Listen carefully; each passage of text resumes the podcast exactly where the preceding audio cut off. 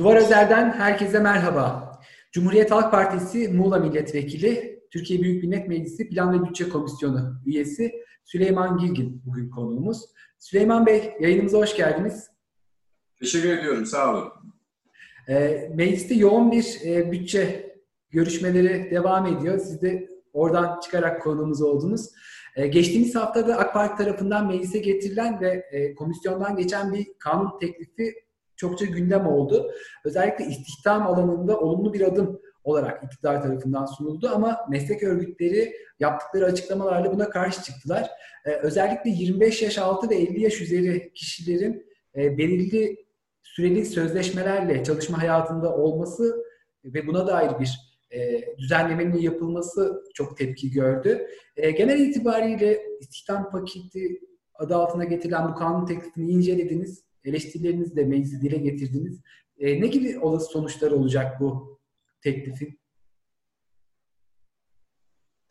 Ee, öncelikle e, attığınız çığlığı çığa dönüştürmede katkı sağladığınız için e, teşekkür ediyoruz sizlere.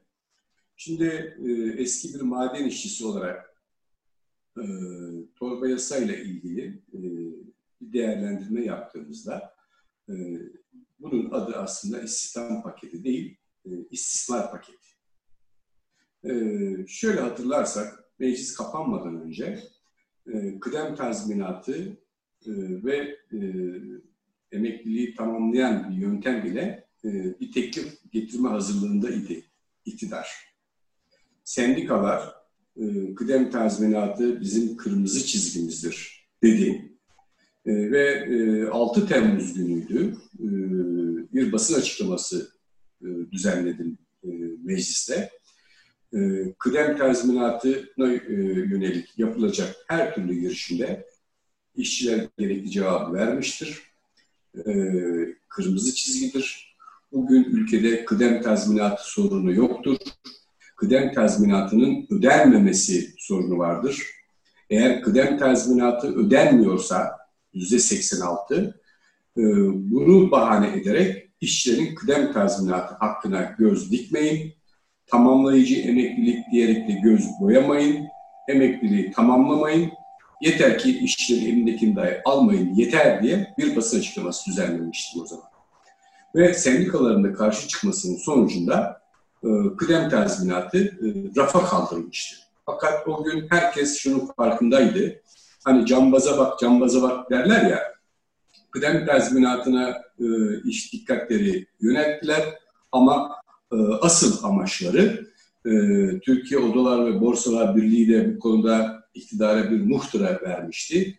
Özellikle esnek çalışmanın yaygınlaştırılmasıyla ilgili ve finalde meclis açıldıktan sonra e, iktidarın e, ekonomik programındaki e, yazdığı şekliyle esnek çalışma ve kıdem tazminatını tırpanlayan, yok eden ve gençleri özellikle ve EYT'lileri de haklarına mahrum edecek olan bu torba yasayı getirdiler.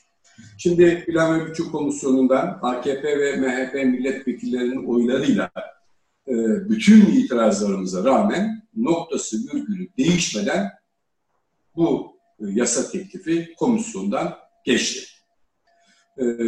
Şimdi e, dün Cumhurbaşkanlığı bütçesi görüşüldü. Bugün e, Türkiye Büyük Millet Meclisi Başkanlığı'nın bütçesi görüşülüyor. Pazartesi günden itibaren de diğer bakanlıkların e, bütçe görüşmeleri var. Önümüzdeki haftada muhtemelen komisyondan geçen yasa Meclis Genel Kurulu'na gelecek ve orada da bu tartışılacak. İşte o noktadan itibaren mecliste bizlere emekten yana olan siyasi partilere, e, sokaklarda da emekçilerin gür sesine ihtiyacımız var ki bu istihdam paketinin e, kıdemi tırpanlayan, e, çalışma hayatını esnekleştiren maddelerinin mutlaka mutlaka çıkartılması için bizi sıcak günler bekliyor diyebiliriz yani. E, sokağa çağrı yaptınız. Biraz sonra e, sorularımdan birisi de aslında bu sokak boyutu olacak. E, mecliste siz e, muhalefet olarak dile getireceğinizi ifade ettiniz. Ama sokak boyutu da ayrı bir tartışma konusu. Özellikle pandeminin olduğu bir dönemde. E, 2021 merkezi bütçe kanun görüşmeleri devam ediyor. Siz de yayınımızda o görüşmelerden e, zaman ayırarak konuk oldunuz. E, 2021 bütçesine ilişkin sizin nitelemeleriniz var. E, askıda ekmek bütçesi ve yoksullaşma bütçesi diyorsunuz. Meclise gelen bu bütçeye ilişkin. E, bu bütçe toplumu öncüllüyor mu? Öncüllemiyorsa nasıl öncülemiyor? Siz aktarabilir misiniz? Tabii. Şimdi e, bütçeye baktığımızda 2021 yılı bütçeye baktığımızda e, toplam e, gelirler olarak 1 trilyon e, 58 milyar lira gelir hedeflenmiş. Bu gelirin yüzde 70'i doğan ve dolaylı vergilerden oluşuyor. Yani vatandaşın cebinden kullandığı elektrikten, e, doğalgazdan, e, evine aldığı ekmekten, tereyağdan, domatesten, biberden her neyse mutfağından ve kullandığı bütün e, yaşamsal kaynaklar, kalemler ne varsa vergiler oradan toplanıyor. Pekala bu toplanan vergilerin büyük bir kısmı halktan toplanıyorsa bunun adil bölüşümü yapılması gerekmez mi? Elbette. Ama ne yapılıyor? Halktan toplanan vergiler ağırlıklı olarak e, bir avuç diye tabir ettiğimiz kesimlere aktarılıyor. Şimdi bizim itirazımız e, buna. Şimdi bundan dolayı pandemiyle birlikte zaten ekonomik krizdeyiz. Pandemiyle birlikte bu toplanan vergilerin biz çoğunun emekten yana, emekçi halktan yana verilmesi gerektiğine inanıyoruz. Ama tabloya baktığımızda böyle bir şey yok. Ee, bir örnek vermek istiyorum.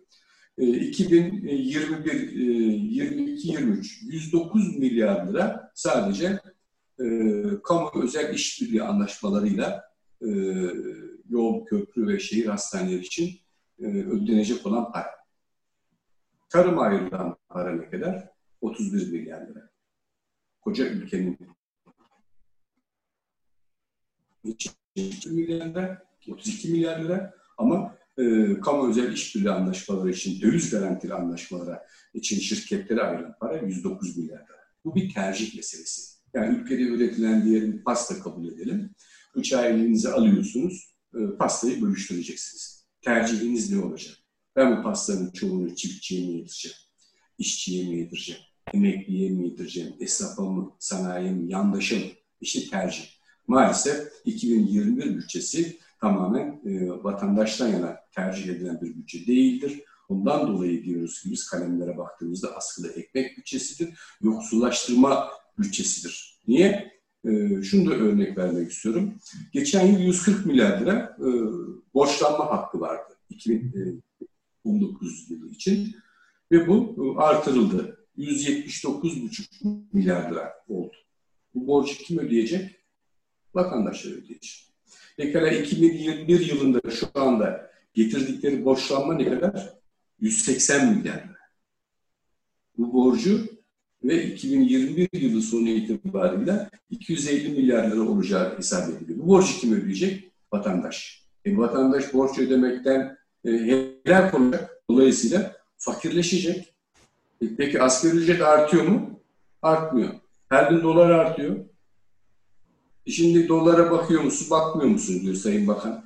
E şimdi sen dolara bakmıyorsun da çiftçi örneğin e, her aldığı ürün dolara bakıyor. İğneden ipliğe dolara bakıyor. Ama asgari ücret aynı. Kimin ekmeği küçülüyor? Vatandaşın ekmeği küçülüyor. Vatandaşın ekmeğinin küçüldüğü yerde yoksullaşmak bırakın, yoksulluğu kalıcı haline getiren bir bütçedir bu. Yani e, iktidarın bir orada e, askıda ekmek dedi aslında e, Türkiye'nin e, gerçeğini ortaya koydu. Hı Muhalefet yapmadı bunu. İktidarın bir küçük ortağı, küçük ortağı, Milliyetçi Hareket Partisi askıda ekmek kampanyası başlattı. Aslında bu dahi iktidar tarafından, Cumhur İttifakı tarafından vatandaşın ekmeğe muhtaç halinde olduğunun bir ispatıdır, itirafıdır. E, biz bu bütçenin e, bütçeye dair soruya başladığımda 2021 yılını kastetmiştim ben. 2021 yılını aslında dediklerinizden hareketle nitelemiyor. Geleceğe dair de sizin de aktardığınız üzere borçlanma üzerinden bir bütçe şekilleniyor. Evet. Önümüzdeki günlerde, aylarda bu borçlanmanın yükünü toplum daha da ağır hissedecek mi? Haliyle. Şimdi şöyle e, söyleyeyim. Şimdi e, Plan Bütçe Komisyonu'nda e, 2020 yılının Ekim ayıydı. Ekim, Ekim ayı başında daha doğrusu şu anda. E, borçlanmayı iki katına çıkartan bir yasa teklifi getirdiler. Ekim ayının e, 16'sında Çağatay resmi gazetede yayınlandı. E, biz e, bakan yardımcısına sorduk. Şu ana kadar ne kadar borçlanma oldu? Hani siz 140 milyar lira öngörmüştünüz 2019'da. Yani 2020 yıl için. E, ne kadar oldu şu ana kadar diye sorduk. 2020 Ekim ayına kadar 140 borçlanma öngörmüşlermiş. Bir yıl önceden 240 milyar lira şu ana kadar borçlanmışız. Ve bunu iki katına çıkardılar. Yani geçen seneki borçlanma hakkını 140'tı. %5 Cumhurbaşkanlığı'nın, %5 işte ilgili bakanlığın artırma yetkisi var. Toplam 150 e, milyar lira, 154 milyar lira. Ne yaptılar? Onu 308 milyar liraya çıkardılar. Yani 2020 yılı sonuna kadar 308 milyar lira borçlanma yetkisi aldı. Nereden aldı? Meclisten mi? Meclisten almadı. Niye meclise getirmiyorsunuz? Çünkü meclise getirdikleri takdirde, ilk bütçe çıkardıkları takdirde vatandaş kalem kalem bu borçlanma hakkının nerelerde kullanıldığını vatandaş görecek. Ama vatandaşın görülmesini istemiyorlar ki. Vatandaşın görmesini istemiyorlar ki. Ben yaptım olduğu mantığıyla borçlanma hakkını iki katına çıkaran e, maddeyi, torba eseri getirdiler ve bütçe hakkını gasp ederek e, bunu yükselttiler. Bu borç kim ödeyecek? Bu yıl sonuna kadar 308 milyar borçlama hakkı var. Kim ödeyecek? Vatandaş ödeyecek. Pekala 2021 için şu anda 180 milyar lira falan borçlanma öngördüler. O da ne olacak? İdari sefere yetmiyor. Al sana 400 milyar borç. Yani e, sadece bugünü değil e, Serkan kardeşim, sadece bugünü değil, geleceğimizde ipotek altına alan bir bütçe bu. Bunu kim ödeyecek? Bizim çocuklarımız, torunlarımız ödeyecek. Ondan dolayı askıda ekmek bütçesi, ondan dolayı borçlandırma ve yoksullaştırma bütçesi diyoruz zaten. Ee, biraz önce siz ifade ettiğiniz e, önümüzdeki hafta kanun teklifi olarak bu evet. gelecek ve sokağa işaret ettiniz. E, toplumdan da bir destek talep ettiniz. E, sizin yıllarca madencilik alanında sendikal faaliyette yürüttüğünüz sendikal faaliyeti yürüttüğünüzü biliyoruz. E, bugün tazminatları için Soma'dan e, Ankara'ya yürümek isteyen maden işçileri var. E, jandarmanın ablukası altında açıklama yapıyorlar. Ülkeye koşullarını, yaşadıkları zorlukları aktarmaya çalışıyorlar ve Ankara'ya ulaşabilmiş değiller. Bu sorum aslında hem geçmişteki sendikacı kimliğiniz hem de milletvekilliği kimliğinizi ayrı ayrı. Bugün e, basın açıklamalarına izin verilmeyen e, grevlerin yasaklandığı bir tablo söz konusu. Hak arama mücadelesi nasıl yapılmalı, nasıl yapılabilir? Siz neler kaydedersiniz? Şimdi e, uzun yıllar e, Muğla yatağında e, yatağın direnişi e, tarihini yaşadık. Yani altın harflerle e, işçilerimiz, enerji ve maden işçilerimiz, e, enerji ve maden işçilerine destek veren bütün yöre halkımız, tüm Türkiye, emek hareketi, sendikalarımız e, bir direniş gerçekleştirildi orada. Ve e, en sonunda 457 günlük bir direniş çadırı kuruldu. Her gün eylemlik gerçekleştirdik. Biz e, fiili olarak yaptığımız her eylemde asla e, meşruiyetten ayrılmadık. Yani belki kanunlara aykırıydı ama e, meşruydu. Yani kamu vicdanında yer bulan eylemler ve etkinlikler düzenledik. Yani e, tamamen bir hak kavgası, hak mücadelesi verildi orada. Ve özelleştirmenin, e, milli ekonominin e, sırtına saplanan bir hançer olduğunu, özelleştirmeden e, bu ülkenin yarar görmeyeceğini, elektriğinde ucuzlamayacağını ve bundan vazgeçmesi bir eylem gerçekleştirdik. Hı hı. Ve finalde ne oldu? Tabii daha önceden e, 2010 işte anayasa değişikliğiyle e, özelleştirmelerin e, hukuken hani önünün geçilmesini e, Anayasa Mahkemesi tarafından iptal edilmesinin önü geçildi ve tek e, şans fiili mücadele. Ve bu fiili mücadele 457 gün sonunda 5 e, günde işgalle sonuçlandı ve resmi gazetede yayınlandı, işçiler devredildi ama o mücadele sayesinde o mücadele sayesinde e, sendikal örgütlülük hala da Muğla Yatağı ve Milas işyerlerimizde devam ediyor. O mücadele sayesinde işçinin hakkının, hukukunun e, sürekliliği sağlanmış vaziyette. Ha, e, ama e, keser döner, sap döner, gün gelir hesap döner.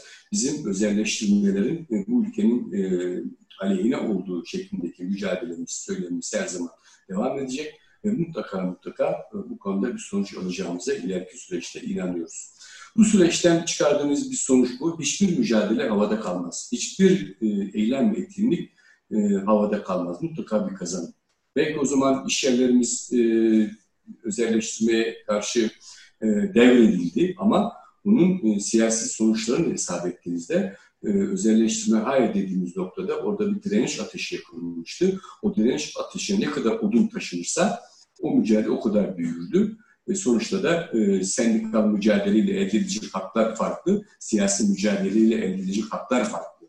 E, finalde ne oldu? Finalde de e, bu mücadelenin ancak siyasi mücadeleyle mecliste e, sonuçlanacağı, mecliste bu kararlar alınacağı e, düşüncesini harekette biz de bu emek mücadelesini yatağından e, Ankara'ya taşıyacağız diye bir yola çıktık ve şu anda bu kapsamda buradayız. Aynı o amatör ruhla, o işçilik ruhumuzla hala mücadelemize devam ediyoruz. E, tabii bir tarafımız madenci, maden işçisi. Madencilerin yer altında biliyoruz biz Muğla yatağında, Aydın'da yer altında örgütlüydük, Kömür Ocağı'nda, Denizli'de, Kuron'da yer altında örgütlüydük. Madencilerin bütün sıkıntılarını da biliyoruz. Ama e, şunu e, kabul etmek lazım ki iktidar gerçekleri saklamak için e, her türlü argümanı kullanıyor. Bugün e, plan bütçe görüşmeleri sırasında e, halkın bütçesi halktan kaçırılıyor, gerçekleri e, öğrenmesi engelleniyor ve basın dışarı çıkartılıyor. Şimdi kimin bütçesini konuşuyoruz biz? Halkın bütçesini konuşuyoruz. Niye içerideki tartışmalar, görüşmeler, eleştiriler canlı bir şekilde halkın e, gözü önünde cereyan etmiyor? Sadece belli bir gruptaki basın ajansları e, bakan geldiği zaman sunum yapılıyor. Ondan sonraki süreçte biz de cep telefonlarımızla içerideki havayı dışarı yansıtmaya uğraşıyoruz. Birincisi bu. İktidar gerçeklerin görünmesini engellemek için elinden her şeyi yapıyor. İkincisi gerekçe olarak da pandemiyi söylüyorlar. E şimdi en demokratik hak arama eyleminde hak arama eyleminde mesela e, baroların etkinliğinde, baro mücadelesinde e, mitingler iptal ediliyor. Soma'daki madencilerin yürüyüşü iptal ediliyor e, pandemi gerekçesiyle ama kendileri istedikleri yerde e, seçim mitingi gibi mitingler yapılıyor. En son Giresun'da miting yapılmadı mı? Yani mitingler kendileri için istedikleri mitingleri yapıyor ama bir hak arama eyleme geldiğinde e, pandemi var yapamazsın. E şimdi pandemi var sokağa çıkamazsın.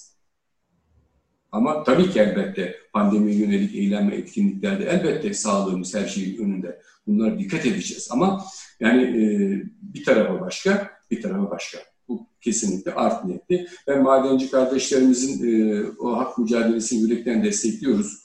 E, meclis kapanmadan önce özellikle Soma e, yer altındaki o 301 madencimizin e, iş cinayeti sonucu katledilmesinden sonraki süreçte e, işte bazıları rödevans sistemiyle e, çalışıyordu. Bazıları da hizmet alımı sistemiyle çalışıyordu. Ve ikimiz de madenciyiz diyelim. İkimiz de aynı yerde kazmayı sallıyoruz. Sen işe girerken rödevans sistemiyle girmişsin. Ben de işe girerken hizmet alımı sözleşmesiyle girmişim. Ama patronumuz biz aynı yerde çalışıyor. Biz patronla TK'ya arasındaki iş hukukunun ne olduğunu bilmeden çalışıyoruz. E şimdi ben kıdem tazminatını alabiliyorum, sen alamıyorsun. Burada işçinin kabahati yok dedik. E, Cumhuriyet Halk Partisi grubu olarak e, başta e, Özgür Özel grup başkanımız olmak üzere kendisi çok yakından biliyor orayı. Oradaki milletvekili, Manisa milletvekillerimiz olmak üzere genel başkanımızdan söylendi, konuşuldu, tartışıldı. O konu çözüldü. Ama şimdi e, maden faciasından önce yine orada çalışan, e, uyar madencilik çalışan arkadaşlar vardı. Onlar da e, şimdi e, bu rödevans sisteminden dolayı e, tazminatını alamıyor. Onların kabahatine, işçinin kabahatine e, hak aramak için en sonunda Ankara yürümek zorunda kalıyor. O zaman engelliyorsun. Hak arayan niye engelliyorsun?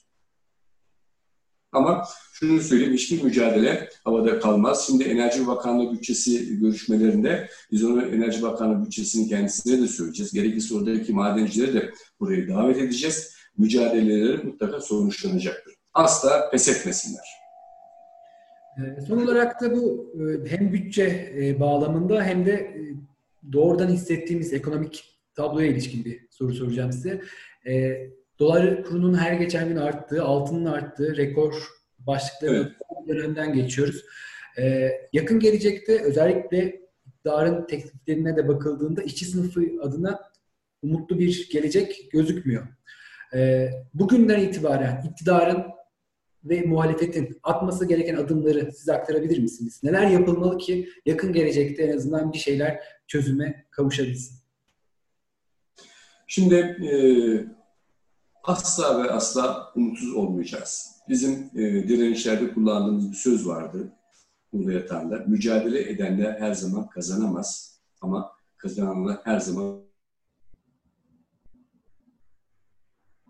zor bir e, süreçten geçiyor e, tek adam sistemi denildi.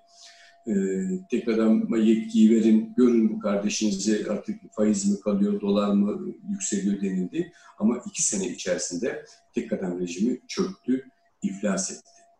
İki yıl önce 1 Temmuz'da, pardon 9 Temmuz itibariyle 2018'de tek adam sistemi devreye girdiğinde e, istihdamdaki işçi sayısı 29 milyon 260 bin dolayındaydı. Ama şimdi e, Temmuz ayı itibariyle 27 milyon 260 bin dolara düştü. Tek adamda 2 yıl içerisinde 2 milyon işçi artık istihdamda değil. E, iki yıl önce e, hatta dün bakana gösterdik, Sayın Cumhurbaşkanı Yardımcısına gösterdik. Altın 400 liraydı, 460 liraydı. Şu anda olmuş altın 870 liraya ulaşmış. E, dolar işte 4 küsur liraydı. Dolar olmuş 8.2. Bakan dolara bakmıyorum, dolara bakmıyorum diyor ama şimdi e, her attığımız adım dolara bakıyor. Dolara bakmıyorsan e, dün itibariyle Denizli'de bir vatandaş e, geçinemiyorum, organım satılığa çıkardım diye ilana çıkmış. Dolara bakmıyorsan Sayın e, Albayrak, o ben organımı satmak zorunda kalıyorum diyen insana bak. Ben dolara bakmıyorum e, diyorsan, onu dolara bakmayacaksan, Sayın Cumhurbaşkanı'nın e, kapısını çalıp da e, geçinemiyorum, eve ekmek götüremiyorum diyen e, esnafa bak. Böyle insanları alay eder gibi e, bu bana biraz abartı geldi. E, işte keyif çayı için diye bunlara diyeceğinize tamam mı? Bu ülkenin gerçek sorunlarını görün. Gerçekten mızrak çuvala sığmıyor ama iktidar bunları görmüyor. Vatandaşımız görüyor. Şimdi önümüzdeki süreçte asla ve asla umutsuz olmayacağız. Ve e, demokratik parlamenter sistemi mutlaka hayata geçireceğiz. Çünkü toplumun neresine bir dokun bin ah işit vatandaşlarımız mutlaka mutlaka bu siyasi rejimi ilk fırsatta devirip demokratik parlamenter hukuk sistemine mutlaka geçecek. E, bu anlamda benim inancım tam. Süleyman Bey konumuz olduğunuz için çok teşekkür ederiz. Ee, biz teşekkür ediyoruz. Ben tekrar işçi arkadaşlarıma şunu söylemek istiyorum. Ee, şu anda torba e, yasa yine e, meclise önümüzdeki hafta gelecek. Bir kısmi çalışma süreleri dayatması var. Bu kazanılmış haklarından, e, kazanılmış haklardan geri adım atmak demektir. İki, 25 yaş altı ve 50 yaş üstü çalışanları süresi belirli iş sözleşmesi dayatması var. Bu ne demek? Yani e, bizim yasalarımızda şu anda süresi belirli iş tanımı var. Bu örnek vermek istiyorum. Bir baraj inşaatı var diyelim. İki yılda bitecek. E, iki yıl sonra oradan ayrıldığınızda e, işveren size kıdem tazminatı ödemez, ihbar tazminatı ödemez, işe iade davası da açamazsınız. Ama bu koşul ve bu iki defa e, da bu sözleşmeler yenilenemez. Yenilendiği takdirde e, süresi belirli değil, süresi belirsiz iş tanımına girer işçi ve kıdem tazminat hakkını e, doğar. Yapılmak istenen ne? Yapılmak istenen 25 yaş ve 50 yaş üzeri işçinin tamamını süresi belirli iş tanımına almak. Bu kapsamda 3,5 milyon insan var. Onları kıdem tazminatı vermemek, e, risk bu. Bu olay bittikten sonra sendika yöneticiliği olmanın, sendikacılığın da bir önemi kalmayacak. Hani e, eğer kıdem e, kale ise e, bu yasa e, Truva atıdır, kıdem tazminatı tırpanlanır. Buna e, dikkat etmek lazım. Bu, bunun için de önümüzdeki hafta mutlaka ve mutlaka bu ses yükselmesi lazım. Ben inanıyorum ki bütün sendikalar, e, bütün emek örgütleri, bütün emekçiler birleşecek ve bu meclisteki bu e, AKP ve MHP oylarıyla e, geçen bu yasayı meclisten geri çevirecek. Benim buna yönelik inancım da tamdır. Teşekkür ederiz. Cumhuriyet Halk Partisi Muğla Milletvekili, Türkiye Büyük Millet Meclisi Plan ve Bütçe Komisyonu üyesi Süleyman Girgin konuğumuzdu. 2021 yılı bütçesini ve AK Parti tarafından istihdam adı altında meclise getirilen teklifi konuştuk. Bir başka yayında görüşmek üzere.